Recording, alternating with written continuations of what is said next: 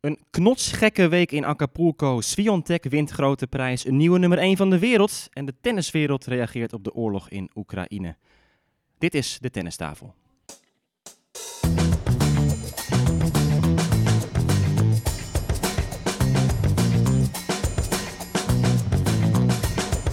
Please take your seats quickly, ladies and gentlemen. Thank you.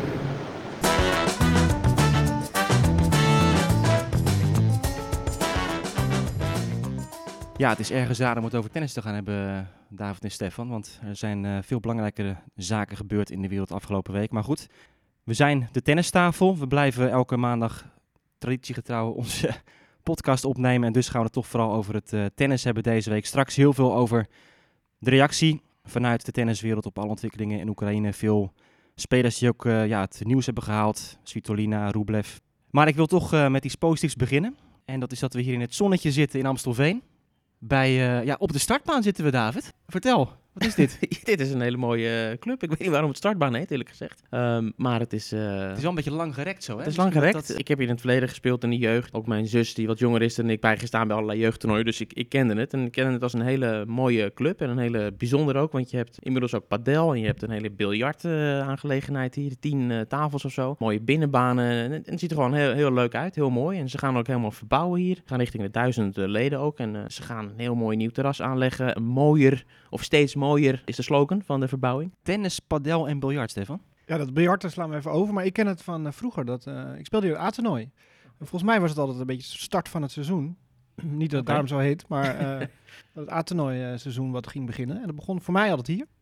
Ja, goed. Nou, het is ook het, uh, bijna het start van het buitenseizoen, het gevoel. Hè? Het is inmiddels uh, bijna maart, dus we gaan richting het voorjaar. David, jij wijst Ja, ik wijs om. Ik, ik ken niet heel veel tennisclubs waar palmbomen staan in Nederland. Uh, oh, maar dat ja. valt hierop. En de volgende week is in New Wells, dus misschien ergens ook nog wel een logische plek om te gaan zitten. Nou, het is ook een mooi bruggetje naar een mooie locatie waar vorige week is getennist, in Acapulco. In Acapulco, ja, kijk aan. Want daar was het, um, nou ja, bizar wat, wat er allemaal is gebeurd. records gebroken, een speler geschorst.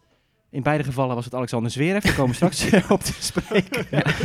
Maar um, ja, Nadal was weer de man. Hij uh, wint daar voor de vierde keer. Hij wint zijn derde titel van dit jaar. Is bezig aan zijn beste seizoenstart. 15 wedstrijden gespeeld, 15 partijen gewonnen. De partij die eruit sprong was de halve finale tegen Medvedev. Wint met twee keer 6-3, weer van uh, de Rus.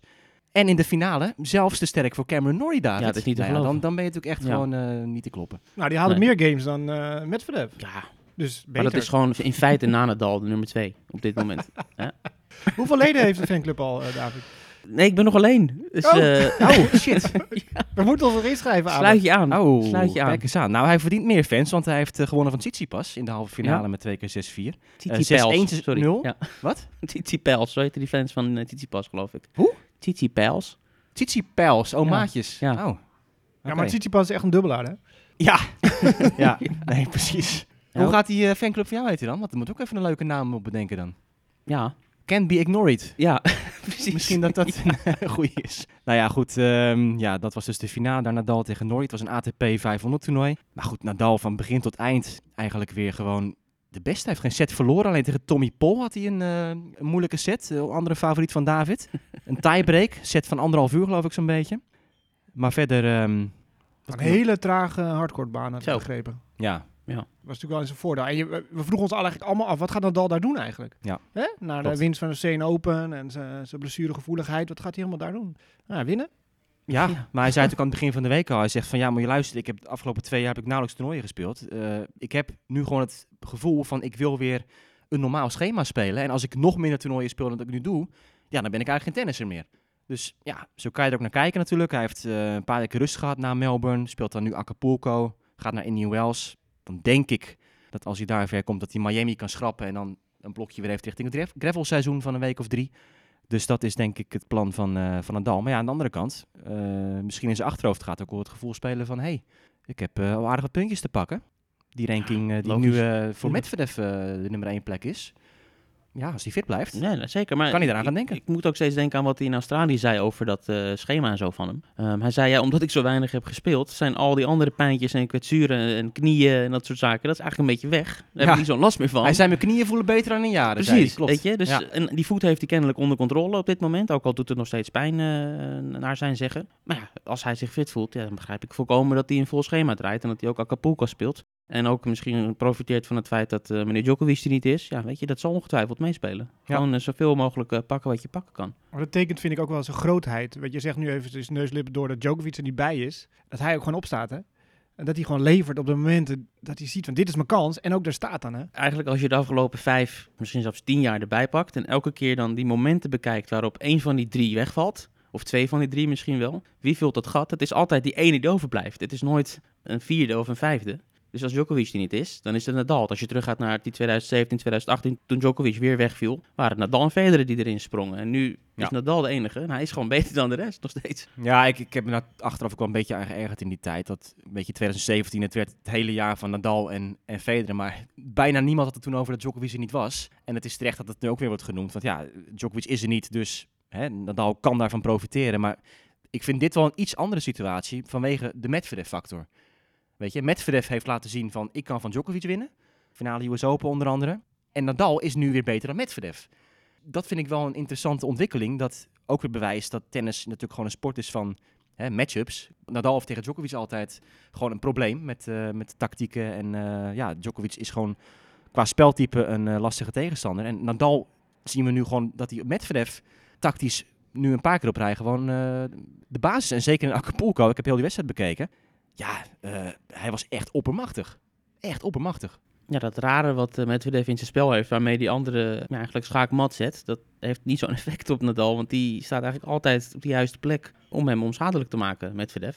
Nu is het niet zo dat Medvedev nooit uh, succesvol is geweest tegen Nadal. Hij heeft ook wel gewonnen een aantal keer van hem. En hij heeft die US Open finale toen vijf sets gespeeld. En hij heeft natuurlijk... Hmm. Ja, maar een Open finale was ook meestal, wel een stevige. Meestal Um, wint Nadal wel op zich die wedstrijd. Precies, ja. Maar um, nee, wat je zegt, matchups. Zo, uh, zo werkt het.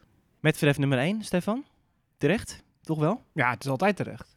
Uh, alleen, ja, wat we het eerder ook over gehad hebben, ja, doordat Djokovic natuurlijk er niet is, profiteert hij daarvan. Uh, het is wel een moeilijke tijd om rust te zijn. Dus wat dat betreft, een feestje zat er denk ik niet in, in huizen Medvedev. Ja, ik vond het wel uh, ergens natuurlijk bizar dat op de dag dat die oorlog uitbrak, dat Medvedev toen die nummer 1 plek uh, in handen geworpen kreeg, omdat Djokovic verloor in Dubai. Heel verrassend van Jiri Vesely. Daarover straks wel wat, uh, wat meer. Maar ja, het is, hij is nu nummer 1. Hij blijft nummer 1 voor maar een paar weken. Want na Indian Wells um, gaat Djokovic hem toch weer voorbij. En um, ja, dan, dan is de vraag wat er daarna nog gaat gebeuren. Maar ja, voor nu is het de eerste nummer 1 van de wereld sinds, uh, sinds 2004 buiten de Big Four. Dus Murray heeft 40 weken nummer 1 gestaan ook nog. En verder natuurlijk... Maar hoezo is het nu Nadal. al duidelijk dan dat Djokovic hem inhaalt na Indian Wells? Ja, ik heb het gezien, de berekening. Omdat die punten natuurlijk, die weken uh, liepen wat anders vorig jaar. Er gaan nog punten wegvallen ergens. Of er komen nog punten...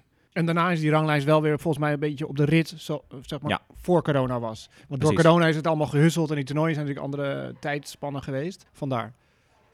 Nou, nog een uh, paar Nadal-feitjes wel even die interessant zijn om te noemen. Hij is nu de jongste en de oudste winnaar ooit in Acapulco. 2005 won hij voor de eerste keer.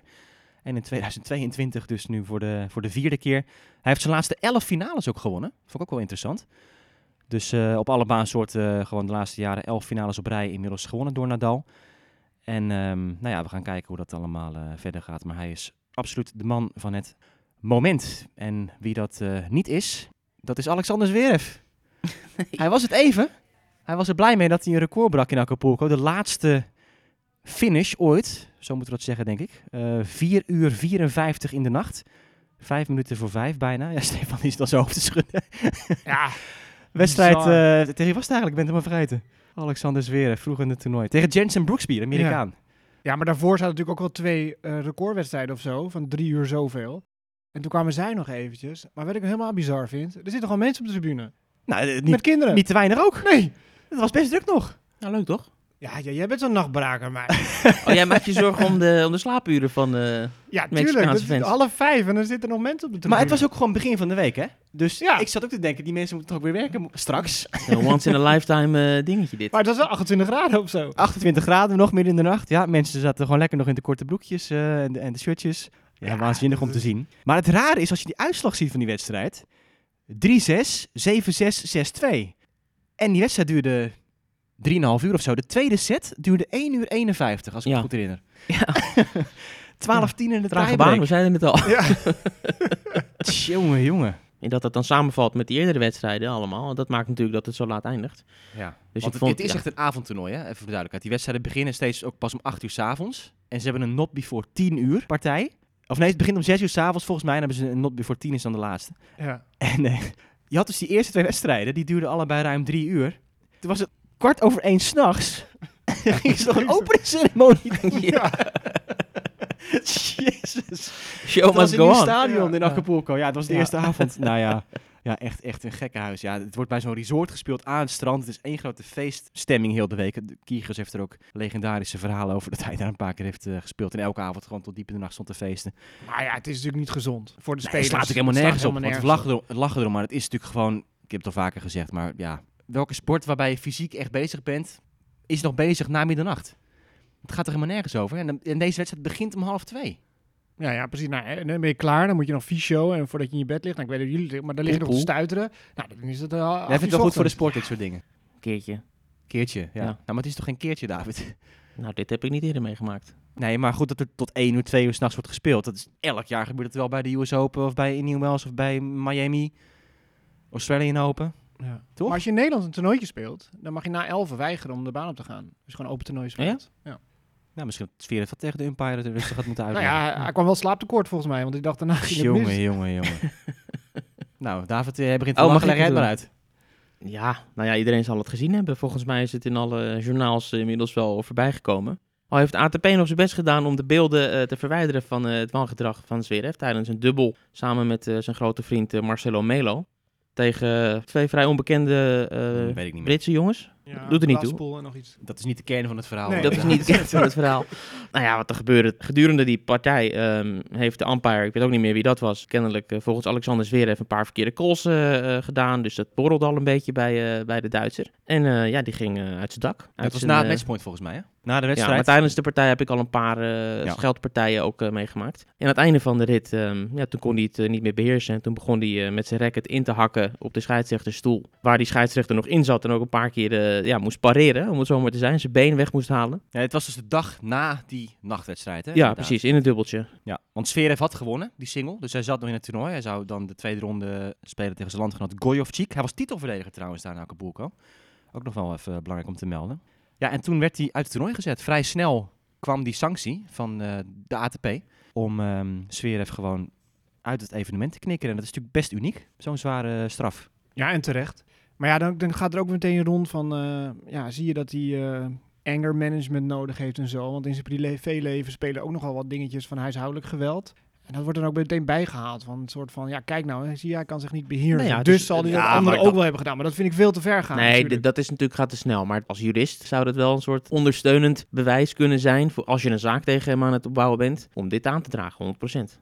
Van kijk eens hoe eh, deze meneer reageert als, eh, als hij zijn zin niet krijgt. Daar ben ik het totaal niet mee eens. Als Ja, maar dat is gewoon juri- juridisch. Daar kan je het mee eens zijn of niet. ja, voor de beeldvorming. Maar Ja, ik moet zeggen, ik- het was ook wel het eerste waar ik aan dacht. Als je hem zo ziet reageren, als hij ze gelijk niet krijgt, of dat hij zo... Ja, maar dit is was toch een extreme uitbarsting? En Ja, maar, ja, maar als er een voetballer ligt daar een zwalbe of die ligt een kerm op de grond, denk je ook niet van, eh, die zal in zijn dagelijks leven Nee, maar eh, in ja, de maar- keuken ja, ook maar op de grond als je zin nee. niet krijgt. Maar dat is toch veel minder extreem dan dit? Nou ja, maar hoe vaak worden niet rackets gesloopt op de baan? Dat is toch niet meteen iemand maar die, dit is die echt in de gewoon- kroeg ook gaat staan knokken? Ja, maar hij wordt niet voor niks uit het toernooi gekegeld. Dat je daartoe in staat bent om gewoon echt de umpire in zijn ogen te kijken. Volle bak met je racket. Nou, het was echt Meerdere net- keren. Niet meerdere even één keren, keer. Maar weet je, gewoon net onder die voet dat hij, wat je zegt, David, zijn benen moet optrekken. Ja, ik vind dat wel eng hoor. Dat je dat, je dat eh, doet op die manier, weet je. En dan denk ik inderdaad wel gelijk van, joh, daar moet je geen ruzie mee krijgen. In ieder geval niet als hij een racket in zijn hand heeft. Precies. Maar ja, ik vind het een beetje overtrokken om dat zo breed te trekken. Het was een domme actie, stomme actie. Het moet niet gebeuren. Hij gaat ook reflecteren en aan Ja. zichzelf werken, zag ik op Instagram. Ik kreeg nog een berichtje van eh, een vriend van mij, ook tenniscoach. En die is ook in Acapulco geweest. En eh, Sven Vermeulen was coach van Bibiane Schoofstar. Dat was ook een WTA-toernooi eh, tegelijkertijd. En die had ook een anekdote over Alexander Zverev. Nou, wel leuk om dat even te beluisteren. Acapulco, Biep en ik staan te trainen op een baan. Twee banen naast ons compleet leeg. hij komt er aan met heel zijn team, eh, onder andere eh Ferrer toen. En eh, het was nog niet eens tijd. Dus hij loopt in één keer gewoon het minivak in, terwijl we gewoon aan tennissen waren. En begint wel te inslaan met zijn fysio. En ja, ik kijk Ferrer aan. Ik zeg van, wat gebeurt hier? De banen naast ons zijn vrij, het is nog geen tijd. Van, wacht even. En Ferrer zegt iets, hij reageert niet. Dus blijkbaar hadden ze toen al ruzie. Eh, nou, vervolgens ben ik naar Sascha gegaan. Dus ik zeg tegen hem van, eh, van ja, zou je de baan hiernaast beginnen? Want we hebben, we hebben deze baan, dus nog geen tijd. Hij kijkt me aan, hij reageert niet. Dus, eh, dus ik ging geen voor me staan. Nou, toen maakte hij een, een agressieve stap naar mij toe. En van, ja, weet je wat, zoek er lekker uit. Biep zei ook al tegen mij, we gaan wel de baan hiernaast. Dus we zijn naast gaan trainen. En het was nog geen vijf minuten later. En hij stapt gewoon alleen van de baan af. De hele team zat te kijken. Had geen zin. En eh, hij liep gewoon weer weg. Nou, dat was mijn, mijn positieve kennismaking met, eh met Sascha. Nou, Stefan, ga je anders denken over uh, Zverev inmiddels? Oh nee, ja, ik kan nog steeds een mafketel vinden. En ik vind als je zo reageert op mensen, ja, dat doe je gewoon niet. Zo respectloos. Denk ik van, wie ben je nou al niet? We hebben hem ook een paar keer geïnterviewd, weet je, dat we al bang werden gemaakt van tevoren. want je moet je goed voorbereiden. Zo, ja, dit is gewoon geen leuke vent. Nee. Zo ga je niet met mensen om. Daar ben ik het met je eens. Maar dat wil niet zeggen dat hij dat hij een vechter is thuis en dat het daardoor eh, ja, bewezen is nu of zo. Als je die broer van hem ziet, weet je, die Misha, die, die is ook altijd bezig om hem een soort te beschermen of zo. En hij is zo'n nette jongen, die Misha. Ik heb het idee dat hij een beetje die, die negatieve kanten van, uh, van Alexander probeert weg te moffelen of zo, soms. ja, wat is het nou? Stefan, een Duitser die iets aan het wegmoffelen is, ja. dat, uh, oh, ja. dat, dat, dat vindt Stefan wel.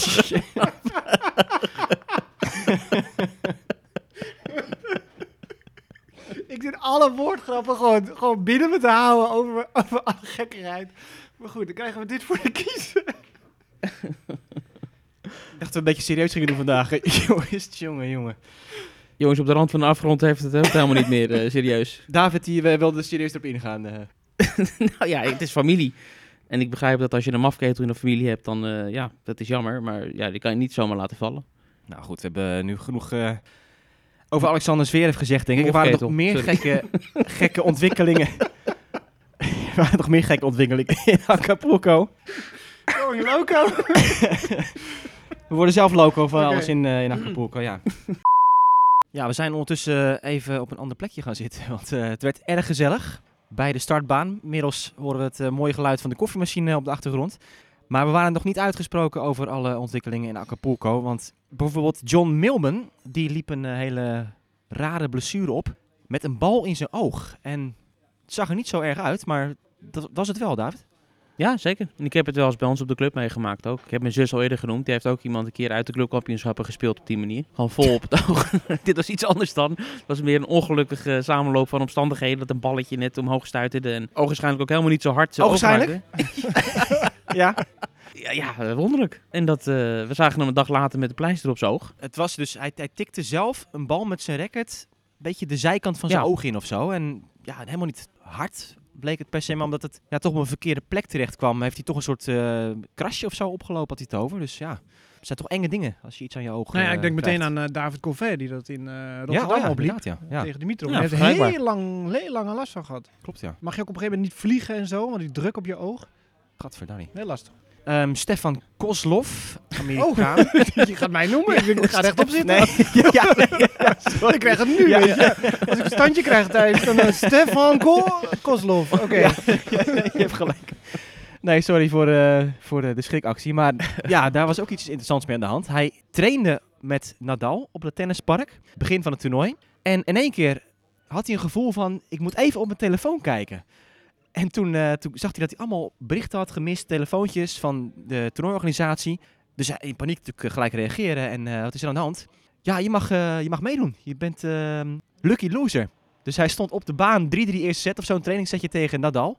En toen uh, moest hij snel uh, de baan af, omdat hij uh, ja, toch een plekje mocht. Uh, het was ook niet zo gek waarom hij kramp kreeg dus. Hè? Want hij kreeg onwijs een krampaanvallen in die wedstrijd tegen Dimitrov. Dimitrov, ja. ja. Dat je denkt, huh, tweede set, kramp en lag daar. Ja. Hij had dan zet achter maar de rug. natuurlijk al met Rafa wat uurtjes gemaakt. Ja. ja. Maar dat was ook een van die marathonpartijen trouwens. Die 6-3 derde set won hij van Dimitrov. En toen moest hij tegen Nadal spelen, de ronde later. Maar toen kwam hij niet op 3-3 in de openingsset. Dat was nou, 6-0 toch? 6-0, 6-3. Ja. Maar uh, ja, ook wel een grappig verhaal. Een beetje in de marge daar uit Acapulco. Die Koslov trouwens was vroeger wel een, een, een talent, hè? Ja, Rosmalen nog. eh, Ja, ik kreeg altijd wildcard wildcards. eh, in Bosmania. Ja, dat is dan een eh, afspraak met Octagon, volgens ja. mij, Ja. het managementbureau. Dat er Ja. altijd een, eh, ja, was hij Het managementbureau een wildcard mag uitdelen. En, en Kosloff was dan eh, iemand die een keer zo'n wildcard kreeg in eh Rosmalen. Maar dat was een beetje eh, alle gekkigheid en alle mooie momenten in, eh, in Acapulco. Ja, supersterk deelnemersveld dus met uh, Zverev, Tsitsipas, Nadal, et cetera. En eh, Berrettini nog even noemen. Die moest opgeven met een buikspierblessure. Nou, die hadden we vorige week bekritiseerd dat hij op gravel van Rio een weekje speelde. Maar ja, gelijk moet opgeven in Acapulco. Dus het gaat niet zo lekker met eh, Berrettini. Nou ja, over Acapulco, je wilt het volgens mij afronden. Maar ik zei al, Tsitsipas is een dubbelaar. Want hij won namelijk het dubbelspel samen met Feliciano Lopez. Ja. Van niemand minder dan... Jean-Julien Royer. Ja, die ik al had afgeschreven. Maar speelde hij alleen? Royer. Daarom verloor hij. Tweede geen, ja. Ja, dus niet echt een singelaar. Nee, met Marcel... Aravalo. Marcelo Aravalo. En eh, derde finale op rij voor eh Royer en zijn compaan. Eh, en nu verloren. De eerste Ja. twee won hij. Wel verrassend dat Tsitsipas ja, dubbelspel wint, vind ik, met Lopez. Dan heb ik even een eh, andere vraag voor jullie. Want wie is Pedro Martinez? Dat is best wel een aardige speler uit Ja. Spanje. Ja, ik heb Oké. namelijk wel eens gezien, Ik Robin Haase speelde een keer kwalificatie. Ja, eh, Roland. Garros Ja. tegen hem. Ja, wat is dit Nieuwe voor speler in de top makkelijke, 50. eh, ja, nou, hij heeft eh, het toernooi gewonnen in Santiago afgelopen Ja, dat, week. weet, dat weten al onze luisteraars ook hoor, Abe. Wie Pedro Martinez is. Nee, ik Ja. heb echt wel meerdere wedstrijden van hem Ja. gezien. Ja. Speelt best wel direct. punten? Nou, hij speelt best wel direct naar voren. En niet echt een Spanjaard eh, zoals vroeger eh Alex Curetja of zo. Mega fit. 24 jaar. Uit eh Alcira in Spanje. En hij staat nu op een eh career high ranking. Ik heb, ik heb nog nooit zien spelen volgens mij, die gozer. Ja, het zegt meer over jou dan over de... ja, het, Pedro, tijd om plaats te maken hier. eh, Ja. Ongelooflijk. Nee, die heeft daar eh, van eh, de Argentijn Baez gewonnen in de finale. Dus dat was nog een kleiner graveltoernooi in eh, Santiago. Enige graveltoernooi trouwens van de week. Dan eh het andere 500 toernooi bij de mannen in eh, Dubai natuurlijk. Djokovic, daar weer op de baan. Eerste toernooi van het seizoen gespeeld. Maar dat werd een tegenvaller. Hij verloor van Jiri Vesely. Heeft hij nog nooit van gewonnen. Nee, die man is een eh, legende aan het worden. Twee keer nu gespeeld tegen Djokovic, twee keer gewonnen. Maar weet je wat Vesely betekent? Nou, Vrolijk. oké. Dus ja, Dat is hier lang niet geweest. Ik vind het ook een matige speler eerlijk gezegd. Maar ja, hij speelde wel fantastisch die partij. Ik werd er wel vrolijk van. Het is zo'n zo'n gozer die je eigenlijk hele lange tijd niet ziet. En dan ineens eh pang. Ik heb een keer herinnerd dat hij in zijn zwembroek speelde. Want er was hier ergens was zijn koffer niet Oh ja. aangekomen. Toen speelde het hele toernooi in zijn zwembroek. dat vond ik ook wel apart. Ja, in eh, Marokko was dat toen een keer. Ja, ja, klopt ja. Wat trouwens dat succes van Vesely nog extra opvallend maakt, is dat hij ehm, een periode eruit is geweest met corona, wat, waar hij best lang last van heeft gehad. En daarna had hij nog een auto-ongeluk gehad ook. Ja, ik heb meegekregen, maar niet waar en hoe dat was. Ja, nee, ja, de was. details heb ik ook niet, eh, niet, niet helemaal uitgezocht. Maar ja, goed, hij heeft gewoon een paar jaren echt in de wildernis gezeten. En eh, dat hij zo in één keer opduikt. In de wildernis. Een auto-ongeluk. nou, maar In de gewoon wildernis. In de tenniswildernis is- heeft, hij, heeft hij gezeten. Ja, toch leuk dat hij, dat hij ineens weer terug is op deze manier. Ik bedoel, ik denk dat hij door veel mensen al vergeten was, waaronder ik zelf... Ja, maar ja, of de tenniswereld nou een eh, speler rijker is. Dat we denken van, hoe, hoe, we gaan een kaartje kopen. Nou, als je van Jockeys kan winnen, ben je toch wel een, hè? Iemand om Ja, rekening dan ben je mee de te beste houden. van de wereld. nou, één na beste. Naar Cameron Norrie. Al die lefties. Het is een heel apart figuur. En ook die partij tegen Djokovic, ik- de beste stukken van gezien. Ik denk, ik denk steeds, hij slaat zo hard en zo vlak. Ik dacht elke keer van, ja, nu gaat hij missen. Nu gaat hij missen. Maar ook op de spannende momenten deed hij dat. Dat vond ik wel knap. Maar het was wel komisch om te zien, want het zat je enerzijds Acapulco te volgen en anderzijds Dubai. En dan zag je echt het verschil van Acapulco moeilijk om die winnaars te slaan en, en, en door die baan heen te slaan. En dan in Dubai dan zag je die ballen van Vesely. Ja, pang, die, die schoten steeds allemaal van dat snelle hardcourt af. En eh, ja, Djokovic, die, ik dacht even hij komt terug, want hij brak terug toen Vesely voor de wedstrijd serveerde in de tweede set. En alsnog eh de Tsjech eh, kalm genoeg om het af te maken, dus dat was knap. En hij won van Bautista Agut, van Shapovalov. En het was Rublev in de finale die hem de baas was. Blijf maar winnen, Roblev ook. Ja. Tweede toernooi op rij. Laatste nederlaag was in Ahoy, halve finale. En toen eh, winst in Marseille met revanche op Ogier Aliassim in de finale. En nu dus ehm, de titel in Dubai. Maar waar Rublev vooral ook de wereldpers mee haalde. Veel eh, nieuwsitems kwam hij voorbij met de actie dat hij op eh, de camera... Wat we kennen altijd na het winnen van wedstrijden, dat je even een handtekening zet of iets anders. Dat hij schreef, no war. Wat vonden we ervan? Please. No war, please, ja. Ja, en super netjes. Het lijkt me enorm moeilijk voor alle Russische spelers om zich uit te spreken. Het is natuurlijk allemaal algemeenheden. Hè? We zijn allemaal tegen de oorlog over de hele wereld. Ik denk niet dat- ze specifiek erop in kunnen gaan. Gewoon voor hun eigen veiligheid. Of...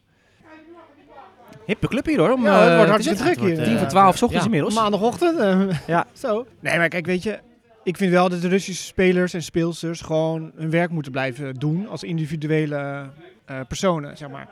Alle teams en zo, wat nu dan niet meer onder Russische vlaggen uit mag komen, dat snap ik dan wel, want dan representeer je echt je land. En er gaan ook geluiden op om dan al die Russische spelers te, weren, maar daar, daar ben ik het absoluut niet mee eens. Ja, Medvedev heeft ook eh, nog een, een post geplaatst hè, daarover eh, dat hij eh, dat hij natuurlijk tegen oorlog is. En ja, dat zijn de prominente Russen. Maar wat natuurlijk vooral interessant was, is hoe Svitolina bijvoorbeeld daar ook in staat. Zij heeft gezegd dat zij al haar prijzengeld, wat ze de komende tijd gaat verdienen, beschikbaar gaat stellen aan, eh, aan haar land. Ja, zij is ook in diverse interviews eh, verschenen, zag ik, om natuurlijk eh, uit te spreken hoezeer het haar raakt en haar familie. Dus dat is ehm, ja, heftig. Ja, ik zag Jastremska Ja, precies, die afscheid nam met ja. de familie en zij ging naar het buitenland. familie blijft achter. Ja. Nou ja, Stakowski natuurlijk, die heeft gezegd ik ga terug om te vechten. Tja, dat is wel het meest, eh, meest opvallende verhaal, denk ik. Hij zegt, ja, ik heb geen militaire ervaring of zo. Ik heb wel eens met een wapen omgegaan. Maar ja, dat is... Ik kan me niet voor, niks bij voorstellen. Ik zit er zelf ook eh, vol in. Ik heb de afgelopen week nauwelijks iets, eh, iets gezien van het tennis. Omdat ik ook gewoon eh, fulltime eigenlijk alleen maar op het nieuws zit. En zowel het nieuws wat vanuit Rusland komt, als het nieuws dat hier gebracht wordt, als wat er uit Oekraïne komt. Dus ik, ik benader het eh, van alle kanten. Ik heb ook Russisch bloed door mijn aderen stromen. Dus dat, eh, dat maakt het ook nog eh, een soort persoonlijke kwestie. En ik heb ook bekenden die in Kiev woont, dat gevlucht is. Althans voor een deel de vrouwen en kinderen zijn gevlucht en die zijn nu veilig. En we hebben ook eh, kennissen in, in Lugansk zitten aan de andere kant van Oekraïne. Die al eerder gevlucht zijn omdat daar bommen vanuit Oekraïne op zijn gevallen. Dus het is iets wat al langere tijd eh, gaande is. En het is vreselijk dat dit nu, eh, dat dit nu het hele land betreft. En ik heb ook nog heel vers in het geheugen de problemen in Armenië, waar we het eerder over gehad hebben in de podcast, wat, wat een paar jaar geleden was. Eh, dat aangevallen werd. Dat heel veel Armeense jonge jongens van 18 tot 20 jaar die daar plat gebombardeerd zijn. Duizenden mensen. Ik, ik heb die graven zelf bezocht. Ehm, Nou ja, kijk, om even de praktische kant dan ehm, toch erbij te pakken. Wat ergens natuurlijk heel eh, fout klinkt misschien, maar... Want je hebt het over mensen, je hebt het over emoties. Ehm, maar wat het voor de sportwereld betekent... We zien natuurlijk allemaal al acties dat, dat, dat Rusland eh, in zekere zin geblokkeerd gaat worden. Hè, met, met teamsporten en eh, nou ja, finales van de Champions League die wordt verplaatst. En teams die niet meer in actie komen omdat andere landen gewoon niet meer tegen Rusland willen, willen spelen. Nou, ik ben ook wel benieuwd wat het met tennis gaat doen. Het is natuurlijk een individuele sport en, en niemand zal iets tegen Rublev of tegen Medvedev hebben, denk ik, eh, qua tennissers verder. Alleen, ja, misschien dat er wel een soort maatregelen ook gewoon breed uit eh, toch ook de tenniswereld gaan treffen daarin. Ja, geen idee. Nou ja, dus er worden natuurlijk al toernooien afgelast. Ja, daarom. Dus Precies. dat is één. Eh, Je hebt straks Daar de begint Davis het Cup in ja. september, waar Rusland al eh, geplaatst is voor de finals. ik heb geen begrip voor al het annuleren van al die toernooien trouwens. Geen begrip voor. Nee. Er moet doorgaan. Dat moet doorgaan, want wat gebeurt er nu? Ehm, de Formule 1 uit Sochi, om maar een voorbeeld te noemen, dat gaat nu verhuizen naar Turkije. Dat is een NAVO-lid dat, om terug te komen op die oorlog in Armenië, bewapend een ander vreselijk land, Azerbeidzjan, om mijn land aan te vallen. En dat is dan wel oké. Er zijn zoveel oorlogen nu eh, op de wereld en er zijn zoveel landen die bommen gooien en die worden niet geweerd. En om dan nu dit toernooi te gaan annuleren, ja, doe je die. We zijn een tennispodcast, maar eh, natuurlijk heel lullig. Die atleten, ja, die hebben er allemaal niks mee te maken. Die, die, die vallen Oekraïne niet binnen. Dat je die mensen dan ook treft, ja, dat is natuurlijk gewoon kloten. Maar goed, we gaan zien hoe dat allemaal eh, verder gaat. Over andere Russisch tennis gesproken, eh Pavlyuchenkova. Tien weken geblesseerd. Na het halen van de Roland Garros finale vorig jaar heeft zij toch ook weinig meer eh, klaargespeeld. Wit-Russisch tennisnieuws. Arina Sabalenka, ik wil een beetje langzaam naar het toernooi van Doha toe gaan praten. Het werd gewoon een eh, nieuwsbericht dat zij nul dubbele fout heeft geslagen in de wedstrijd, eh, Stefan. dus eh, Topcoach. ja. Sabalenka die ehm, komt weer een beetje op het juiste spoor misschien. Ja, ze werd alleen wel van de baan getikt. Ja, zoals de topseed daar in, eh, in Doha. 6-2, 6-2 of zo? 6-2, 6-3 verloor ze? Ja, ze verloor van Sviontek. Ja, nou. 6-2, 6-3. Maar goed, dat was... eh, Eigenlijk een niet? prima uitslag dan. ze had weer zo'n week, Ja, de Poolse. Want dat alles valt.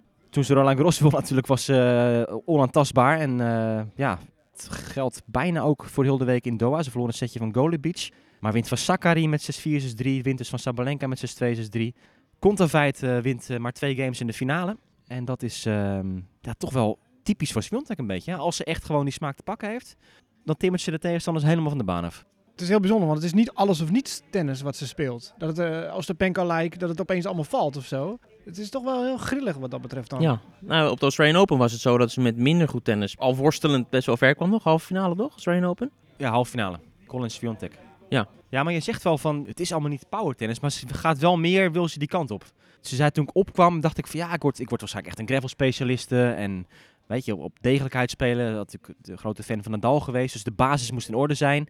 Maar ze merkt gewoon, zegt ze, dat ja, als je niet zelf de eerste klap uitdeelt met hedendaagse tennis, waar we natuurlijk ook wel eens discussies over hebben, dan heb je het niet in eigen hand. Dus je moet wel zelf ook leren om dat spel echt te dicteren en, en, en zelf vanaf bal 1 erop te zitten. Dus daar wil ze zich meer naar, eh, naar ontwikkelen. Ja, oké, maar ik bedoel niet alles of niets in de zin van, eh, weet je, alles valt, dus win ik ze steeds 6-0 van Kontaveit in die finale. Of wat was het een keer? 6-0, 6-0 van Pliskova? Ja, 6-0 is 0 Pliskova, Rome vorig jaar. Er zit wel een soort van, ja, wat je zegt, basis in, weet je, wat gewoon goed is.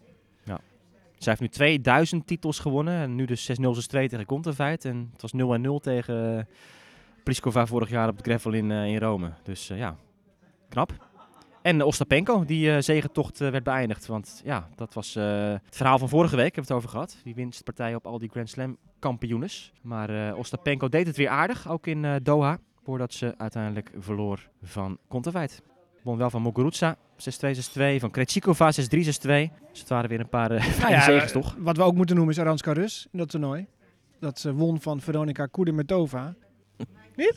Ja. Nee, Oh, moet je lachen. nou, dat in de vorige podcast, toen hadden we een soort van voorbeschouwing. Eh, ja, dat is echt een speelset, dat, daar kan Rus echt niet van winnen, die categorie. Nou, ik niet. En enkele uren later, niet? Ik zei van, eh, die maakt nog wel Oh, eens ja, wat foutjes, ja, ja, ja, Kudermetova. ja, Ja. Ja, A ben ik. Juist, laten we het wel even bij Ja, de feiten ja. houden. Nou ja, we zeiden dus dat ze nu allemaal die toernooien moet gaan spelen. Als ze dan gelijk eigenlijk altijd een tegenstander treft. Ja, die minstens gelijkwaardig is, maar heel vaak beter is. Ja, dat Toch? is waar. Ja, Ja. En- Maar een prachtige overwinning. Maar daarna zie je dus dat het... Ik heb de wedstrijd gezien daarna. Martin Sova. Nou, dat was niet om aan te gluren, echt. 6-2, 6-4 verloor ze daarvan. Ja, maar het was dus 2 5-0. Kwam ze nog terug met vier gamepjes. Maar dat was een foute festival, niet normaal. Dan denk ik, heb je zo'n mooie overwinning. Dan zit je dus helemaal high in je zelfvertrouwen. En je, kennelijk ook je niveau. En dan kom je zo in die tweede ronde. Dat is echt een, een kans laten liggen. Wat we eerder hadden over andere onbekendere speelsters of rond die ranking. Die pakken opeens zo'n week en dan staan ze opeens in de kwartfinale. Ja, maar je dat brengt het nu wel- hebben. Ja, maar je brengt het nu wel alsof Martin Chova iemand is waar Rus dan in één keer overheen moet wandelen. maar komen we terug wandelen, bij het verhaal. maar- Ja, alles is 50-50 of beter dan Rus in zo'n in zo'n veld. Ja, maar dit is niet 50-50, 7-5 derde ik verlies. Dit was gewoon super slecht optreden. 6-2, 5-0, ja, dan lijkt het nog omdat het 5-4, 6-4 wordt. Het was gewoon onder de niveau. En dat, dat is zo spijtig. In dit soort toernooien, als, je, als ze een beetje haar niveau, wat ze kan halen, haalt, dan, is- dan sprokkel je zoveel meer punten binnen. Neem niet weg dat die winstpartij op Kudermetova een van de beste zegers van de laatste jaren is van uh, Anatska Rus. Dus Op ranking, gewoon. Ja. Toch een opstekertje. Wat viel er nog meer op? Ja, best wel veel. Want bijvoorbeeld eh, Paula Badosa, derde geplaatst. Die eh, verloor van Coco Gauff, 6-2, 6-3. Gauff, eh, ja, wordt ook niet veel meer over gesproken de laatste tijd. Maar had het ook wel eens een keer nodig weer, zo'n uits- Ja. uitschietertje. En zij verloor toen van, ehm van Sakari.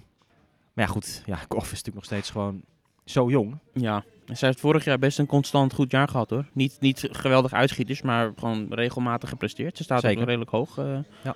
De ranglijst. Simona Halep verloor snel van eh, Garcia. Bencic viel tegen. Vloog eruit tegen Tauson. Ja, het was een ijzersterk veld hè, in, eh, in Doha. Svitolina trouwens, die eh, verloor ook van die Martin Chova.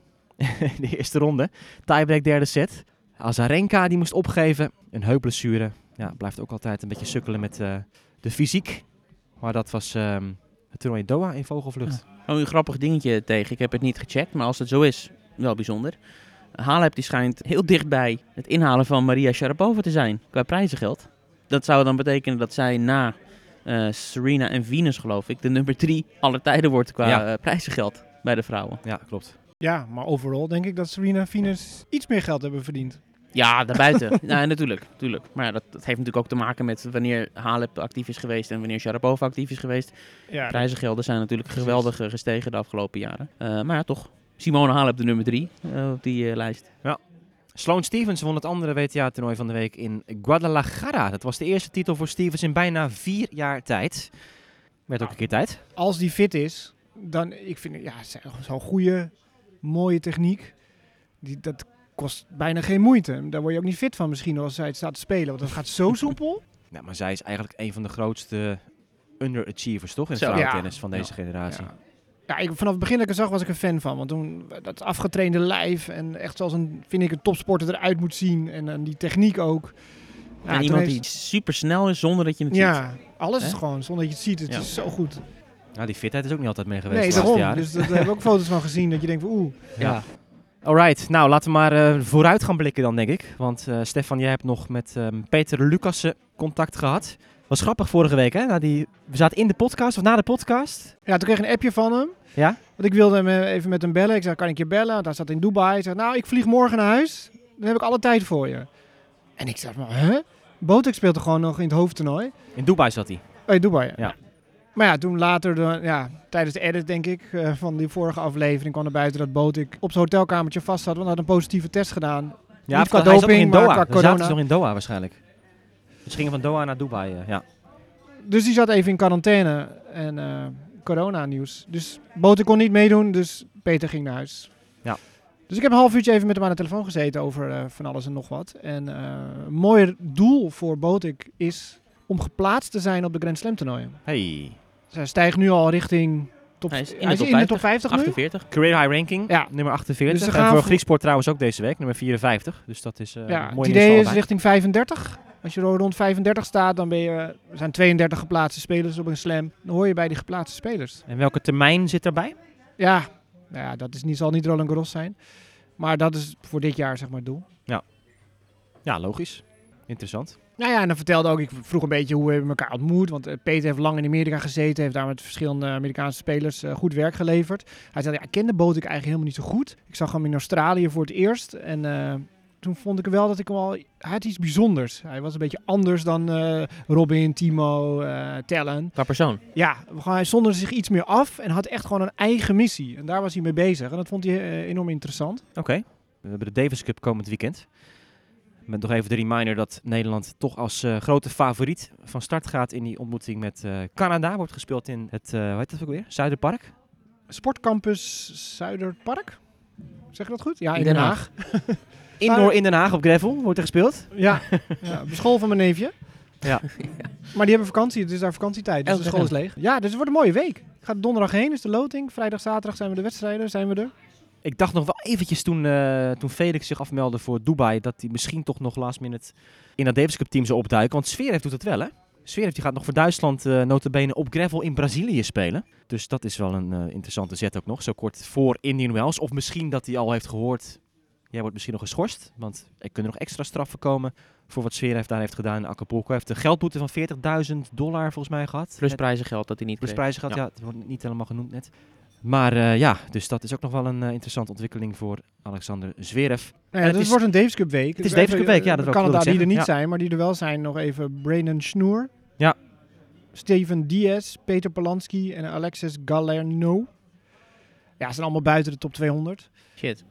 Dus dat is... eh, Ja, is prettig. Ja, voor Canada. Ja, nou ja, Ja. het is een qualifiersronde. Als Nederland wint, eh, ja, dan gaat het naar de finale rondes. Ja. Die worden gespeeld eh, vier pools van vier landen. Dus er zijn er dan 16. Want de Russische Federatie en Canada horen daarbij en Servië en Groot-Brittannië als eh, wildcards. En dan worden er vier steden aangewezen waar die vier pools gehouden worden. Die steden zijn nog nu nog niet bekend. Wordt in maart bekend. En dan eh, de beste twee per pool gaan door naar de echte finale. En die is volgens mij in Abu Dhabi. Ja. Later. En, eh, want ze hebben ze een beetje uit elkaar getrokken omdat het schema aan het einde van het jaar te vol was. Dus die tussenronde is in eh, september en dan in november de finale ronde. Ja, dus Nou het is een... Mooie kans. Ik wou het zeggen, het is een grote wedstrijd voor Nederland. En eh, ja, als je dan bij de beste 16 landen, 12 landen? 12, quali 14 landen? 12 qualifiers. en dan twee finalisten van vorig jaar en twee wildcards. Ja, dus Dus 16, landen. Ja, precies. Ja. Ja. Om erbij te horen. Dat is de missie waar Nederland voor staat straks in Den Haag. Dan was er nog ander nieuws wel dat ehm, de ATP-tour de kalender heeft gelanceerd voor de tweede seizoenshelft. Met toernooien in China. Eh, dat terwijl de hele Peng Shuai-zaak nog op de achtergrond doorsuddert en de WTA ja, tot op heden nog steeds eh, van plan is om niet in China te gaan tennissen dit seizoen daardoor. Ehm, WTA heeft ook een kalender uitgebracht tot aan de US Open. Dus dat is precies tot aan wanneer normaal gesproken die Chinese toernooien beginnen. Dus dat is eh, nog iets om in de gaten te houden ook de komende tijd. Ah, niemand heeft gehoord wat je gezegd heeft. de bevoorrading komt binnen. Ja, Nou, we gaan ook eens eventjes eh, kijken wat hier allemaal geserveerd wordt verder in de kantine, denk ik, in, eh, in Amstelveen bij de startbaan. Want we zijn rond, toch? Het einde van de startbaan. Het einde van de startbaan. We zijn geland. Komend weekend dan een, eh, waarschijnlijk een nieuwe podcast vanaf de locatie bij de Davis Cup. In elk geval komt er natuurlijk weer een nieuwe podcast aan. Bedankt voor het luisteren en graag tot de volgende keer.